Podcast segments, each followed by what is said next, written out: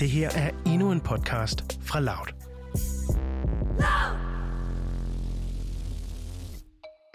Jeg kom til Hebron på Vestbreden med Læger Uden Grænser for at blive en del af coronaberedskabet. I december, da den anden bølge af pandemien ramte Vestbreden, der var hospitalet i Dure fuld af coronapatienter. Det var primært ældre mennesker, mange med kroniske sygdomme, som for eksempel diabetes, og patienter døde. Syge coronapatienter har mistet livet på hospitaler over hele verden, men de her patienter døde på min vagt, og det piner mig. Frustrationerne her, de er skrevet ned af Mathias Kennes. Han er sygeplejerske for Læger Uden Grænser, som hjælper til under coronapandemien på det palæstinensiske Vestbreden. I flere måneder der har han set, hvordan befolkningen er blevet syge og har mistet livet til covid-19. I de fleste regioner på Vestbreden, der stiger antallet af coronatilfælde igen, men jeg vil altså ikke se flere patienter dø af iltmangel. Vaccinen den er håbet, der kan hjælpe os med at undgå det. Men det er altså også en kilde til fortvivlelse.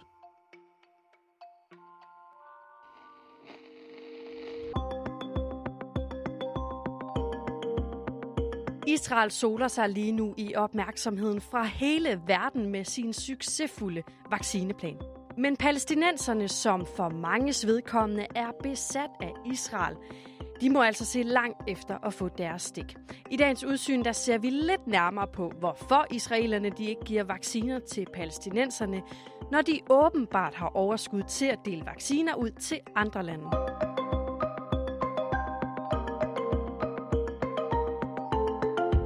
Det her er Udsyn med Sofie Ørts. Vi får at vide, at der er flere vacciner på vej til Palæstina, men de er her ikke endnu. Og en halv time herfra, der har Israel bunker af vacciner. Og de her bunker og atter bunker af vacciner, de er blevet udrullet på meget kort tid.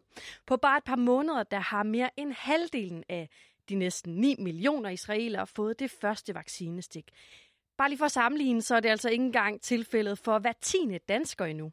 Og nu er Israel faktisk så langt med den her proces, at selv de unge israelere, de har lagt arm til det første stik.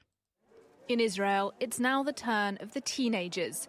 Anyone over 16 can now get a coronavirus jab, cementing the country's status as the world's fastest inoculator against COVID 19.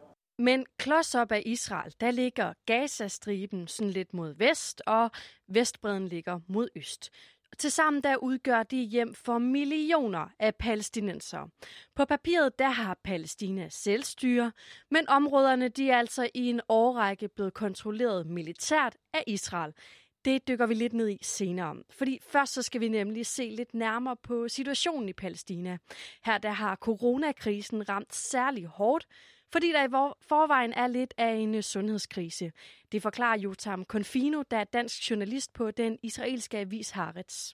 Fordi deres sundhedssystem, altså deres hospitaler, er ringe. Altså ikke nok med, at de jo ligger i, øh, i, i åben krig, palæstinenserne inde i, i Gaza, i hvert fald med israelerne til daglig, hvor at man på nogle gange på ugenlig basis har kampfly, der flyver ind over Gaza og bomber forskellige områder. Men i det hele taget så er Gaza et ekstremt tætbefolket område, et af de mest tætbefolkede områder i verden. Der bor over 2 millioner mennesker på en rigtig lille område. Øh, sundhedssystemet, det er klart at skulle have en pandemi, som, som, som hele verden kæmper med, men hvor du har så tæt en befolkningstæthed, øh, det, det gør jo, at, at, at for det første så spreder det sig jo lynhurtigt. Man har faktisk været relativt gode til at holde det nogenlunde i skak inde i Gaza, hvilket har været ret interessant faktisk i forhold til for eksempel Vestbreden. Ja, fordi på Vestbreden, der er historien en hel del mere kompliceret. Her der er der nemlig israelske bosættelser og israelske militærstyre, som kontrollerer samfundet, også under coronapandemien. I de perioder, hvor der har været lockdowns, der har både israelsk militær og palæstinensisk politi og sikkerhedsstyrker har altså kontrolleret områderne imellem de palæstinensiske øh, byer inde på Vestbreden for at sørge for, at smitten ikke breder sig. Fordi det er sindssygt svært at holde smittetallet lavt inde på Vestbreden. Øh, og det er det af flere årsager. Det er det altså også fordi, at, at over 100.000 palæstinensiske arbejdere, de rejser frem og tilbage mellem øh, Vestbreden og Israel. Det vil sige, en ting er, at de måske kan tage coronavirus med ind til Israel, men de kan jo også den anden vej tage coronavirus med. Altså, tallene i Israel har jo været rigtig, rigtig høje. Det er godt, at vi snakker rigtig meget om succes i Israel lige nu. Men hvis vi bare lige spoler tiden en lille smule tilbage, altså tre måneder cirka inden, at vi havde vaccinationer hernede, så var Israel et af de områder, eller et af de lande i verden, som var allerhårdest ramt. Så det er jo ikke fordi, at palæstinenserne på den måde bare har kunne isolere sig fra Vestbredden, og så, så, så ligesom forsøgt at, at, at behandle deres egen udbrud af pandemien derinde. Der er blevet slæbt coronavirus frem og tilbage. Selvfølgelig er der det. Konflikten mellem Israel og Palæstina er en af verdens længste varende konflikter, og den er ret betændt. Kort sagt, så har vi jøder på den ene side og araber på den anden. Og de har altså i mange år ligget i strid om retten til det samme område. I slutningen af 60'erne der besatte israelerne Gazastriben og Vestbreden. Men selvom at Palæstina siden da har opnået selvstyre, ja, så er det altså Israel, der kontrollerer enormt meget af det, der foregår. Men altså, Jotam, betyder det så også, at Israel nu går ind og tager ansvaret for at få vaccineret palæstinenserne? Israelerne har jo selvfølgelig, siger jeg selvfølgelig, fordi at nu er det regeringen, der siger det, ingen interesse i at skal pålægge sig ansvaret for Øh, 5 millioner palæstinenser og skulle, skulle, skulle vaccinere dem. For Israel og for den israelske regering lige nu, der er det absolut det vigtigste, at israelske statsborgere bliver vaccineret. Og i og med, at man jo har en igangværende konflikt med palæstinenser, som jo altså ikke er løst endnu, så har man altså indtil nu ikke haft nogen interesse i at gå ind og hjælpe øh, naboerne, som er palæstinenserne. Og man påpeger altså, at man fra Israels side ikke har nogen øh, noget ansvar fordi at man har underskrevet en aftale med palæstinenserne i 90'erne, som hedder Oslo-aftalen, hvor der altså står, at det er palæstinensernes ansvar at have deres eget sundhedssystem, og skulle, også skulle vaccinere øh, deres egen befolkning. Okay, så israelerne mener altså, at de har deres på det tørre i forhold til de her vacciner. Men palæstinenserne, de kan altså pege på en anden international lovgivning, der siger, at en besættelsesmagt i det her tilfælde Israel, skal hjælpe den befolkning, de har magten over, for eksempel under en pandemi. Det er jo sådan en juridisk strid mellem de her to, som er så gammel og som, som tit ender med øh, jamen altså et decideret juridisk argument. Og indtil nu har israelerne altså været meget, øh, altså ikke været særlig øh, åbne over for at skulle hjælpe palæstinenserne, fordi man har fokuseret 100% på, hvad det er, man selv øh, gør internt i Israel. Og palæstinenserne har jo selvfølgelig kaldt det her for, for apartheid-vaccination, øh, det vil sige, at man skældner mellem, mellem israelske jødiske statsborgere, israelske arabiske statsborgere og så palæstinensiske øh, statsborgere, som jo alle sammen lever inden for det her relativt lille område. Jo. Øhm, og det er klart, det har også skabt en masse debat omkring øh, konflikten i det hele taget, fordi det netop fuldstændig udstiller den her konflikt, jo, som er indtil nu har været uløselig, og som kommer til at ramme uskyldige mennesker, når der sker noget som for eksempel en pandemi. Altså de har mange millioner mennesker, som der bliver klemt ind imellem en konflikt, som jo ikke er løst, og som ikke ser ud til at blive løst. Men altså Jotam, hvorfor kan palæstinenserne egentlig ikke bare selv forsøge at få skaffet de her øh, coronavacciner, så de kan få øh, vaccineret befolkningen? Hvis vi lige starter med Gaza, som jo er, som jeg sagde, under blokade, det er essentielt hvis man som befolkning skal have vacciner ind på sit territorie, at man har fri adgang til, hvad der kommer ind og ud af grænseovergangene. Det har man ikke i Gaza. Det vil sige, alt hvad der kommer ind, det bliver enten kontrolleret af Israel, fordi at Gaza i store dele grænser op til Israel, men der er også den sydlige grænse, som jo grænser op til Ægypten. Det vil sige, at Ægypten og Israel kontrollere, hvad der kommer ind og ud. Så når palæstinenserne gerne vil have øh, vacciner, selv hvis de nu havde, lad os sige, de havde nok penge til, at de kunne ringe til deres øh, til, til, til Pfizer på samme måde, som øh, den israelske premierminister Netanyahu gjort, og ringe og sige, prøv at høre, vi vil gerne have øh, 10 millioner vacciner. Jamen, øh, altså, det vil ikke engang kunne lade sig gøre, fordi at de skulle have samtykke fra både Ægypterne og fra israelerne. Og på Vestbreden, der har de et lidt bedre forhold til israelerne, og derfor så er grænsen ikke lukket helt ned på samme måde som ved Gazastriben. Til gengæld så har de på Vestbreden set meget høje smittetal, fordi at øh, befolkningen her har haft lidt svært ved at leve under pandemien. Man har haft svært ved at holde maske på hele tiden. Man har gået til begravelser, man har gået i moskéer og så videre. På samme måde, som man også har gjort det i Israel, så det er ikke for at sige, at de har været værre end, end andre har, men det er også et af problemerne. Og så er der også lige præcis øh, problemet omkring penge. Det er dyrt at hente de her vacciner. På den måde så har de hver især deres, øh, selvfølgelig deres udfordringer jo, men også hver især deres håb omkring, at Israel på en eller anden måde kan hjælpe dem. Jeg er oprørt, men mine kolleger i Gazastriben, de er altså endnu mere. Det har ikke altid været nemt, men det hospital, jeg har arbejdet på, fik de fleste af de midler, de skulle bruge til coronahåndteringen. Men i Gaza har de meget få medicinske remedier og læger, fordi blokaden er så streng. Deres kapacitet til coronapatienter er lavere, så de har et større behov for vaccinen. Jotam, kan man egentlig tale om, at Israels modstand i forhold til at hjælpe palæstinenserne lige nu, det kan opfattes som lidt af en øh, magtdemonstration? Det synes jeg jo, det er. Altså, det er øh, i hvert fald rigtig, rigtig tydeligt, hvem det er, der har magten her. Det er der jo ikke nogen tvivl om. Sådan er det jo også det dagligt.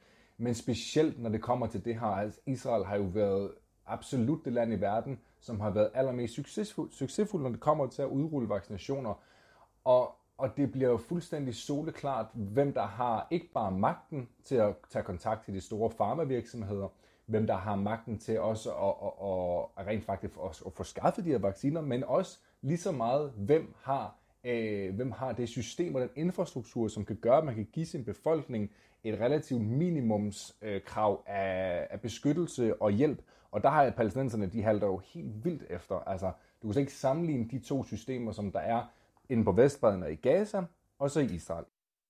Israel er en besættelsesmagt, der har millioner af vacciner. Palæstina er det besatte territorium og har knap nok et par tusind vacciner. Som sundhedsmedarbejder er jeg lidt ligeglad med, hvem der finder en løsning. Som sundhedsmedarbejder er det bare vigtigt for mig, at det mest sårbare bliver prioriteret. Israelerne er så småt begyndt at tage nogle skridt i retning mod øh, vaccination af palæstinenserne. Blandt andet så har den øh, israelske regering lovet, at de palæstinenser, der hver dag rejser ind i Israel for at tage på arbejde, de skal have en vaccine mod coronavirus. Now, Israel says it will offer Moderna vaccines to the roughly 130,000 Palestinians who work in Israel or its West Bank settlements. Jo, Tom, skal vi forstå det her som om, at israelerne de nu øh, rækker hånden ud mod palæstinenserne, eller er det her udelukkende et træk for simpelthen at holde smitten væk fra, øh, fra Israel? Altså, jeg tror, det er en blanding. Det er et forsøg fra Israels side og for det første at sørge for, at de høje infektionstal, man har inde i Israel, de ikke bliver ved med at være høje, fordi man har over 100.000 palæstinenser, der rejser frem og tilbage. Man har en helt klar interesse, rent praksis fra Israel, i at sørge for, at de også er vaccineret. På det område er det en helt selvisk manøvre. Der er også noget helt andet, som jo selvfølgelig er, at nu skal man ikke øh, gøre Israel til en, en, en, en djævelstat. Altså, de har jo også en interesse i, at deres naboer er sunde og raske, og ikke øh, lider og dør. Så, så på den måde, så har de jo også vist, i hvert fald fra deres side, en form for goodwill. Og der er også rigtig meget pres på Israel, fordi der er jo rigtig mange lande i verden, som påpeger, at der foregår et eller andet hernede, som er underligt. Ja, fordi for ganske nylig der kom det frem, at Israel med premierminister Netanyahu i spidsen havde planer om at sende vacciner afsted til fjerne lande som for eksempel Honduras og Guatemala i Mellemamerika, altså flere tusind kilometer væk fra Israel. Angiveligt som en form for diplomatisk gestus, men den plan den blev altså skrottet igen. Og det er jo fordi, at der jo for det første er rigtig meget kritik af, hvorfor begynder man at sende tusindvis af vacciner til alle mulige lande, som er langt, langt væk, når du har en befolkning inde ved siden af, som ikke bare er dine naboer, men som også du har en reel interesse i at vaccinere. Hvorfor giver man ikke dem vaccinerne? Så der er meget pres fra international side, både fra øh, altså fra FN, der er også fra landene i det hele taget, og amerikanerne har også, den nye Biden-administration har ligesom sagt, at det er altså vigtigt, at de også hjælper palæstinenserne herinde. Israel forsøger lige nu at, at kun at have fokus på den vaccinationssucces, der foregår inde i Israel. Man vil rigtig gerne brande sig selv som den her førende stat inden for vaccineudrulning, og så egentlig tyse problemet omkring palæstinenser ned, fordi det er en torn i øjet på dem. Men Jotam, hvor længe kan israelerne fortsætte med den her øh, branding-strategi, som du kalder det, uden at øh, resten af verden går ind og kræver, at de tager et større ansvar for at få vaccineret øh, palæstinenserne? Ja, det er et rigtig godt spørgsmål. Jeg tror i det hele taget, at så snart at andre vestlige lande øh, rigtig begynder at få fat, og deres egen befolkning også er vaccineret, så begynder man at kunne pege på, på, på det her problem, fordi lige nu i Frankrig for eksempel, tallet er jo ikke ret højt, så når Macron går ud og siger, hey, hvorfor har I ikke vaccineret, vaccineret jeres, øh, jeres, øh, jeres naboer, så kan man sige, hvorfor har I ikke vaccineret jeres egen befolkning? Så det argumentet falder nogle gange lidt til jorden, når der er andre lande, som er langt fra, som ikke engang har kunne formå at, at, at, at vaccinere øh, altså høje procentdel af deres egen befolkning. Lige nu har Israel på en måde forsøgt, og med succes, kan man sige, at tyste ned og ligesom givet dem lovning på i første omgang, nu får de over 120.000 palæstinenser en vaccine, så håber man på at købe noget tid her, og man håber også på, at palæstinenserne i hvert fald inde på Vestbreden får deres egne vacciner snart fra AstraZeneca. I Gaza er det et helt andet problem. Der er det 20.000 vacciner, der er blevet givet øh, fra Rusland. 20.000, som jo er ingenting, altså i forhold til over 2 millioner mennesker. Så der er meget længere udsigt til, at i hvert fald i Gaza, at man har nogen som helst øh, altså, kan gøre sig forhåbninger om, at store dele af befolkningen vil blive vaccineret. Når jeg bliver spurgt om, hvorfor sårbare palæstinenser de ikke kan få en vaccine, så ved jeg ikke, hvad jeg skal svare. Det er uforklarligt og ikke til at tro. Det er værre end det. Det er uretfærdigt og grusomt.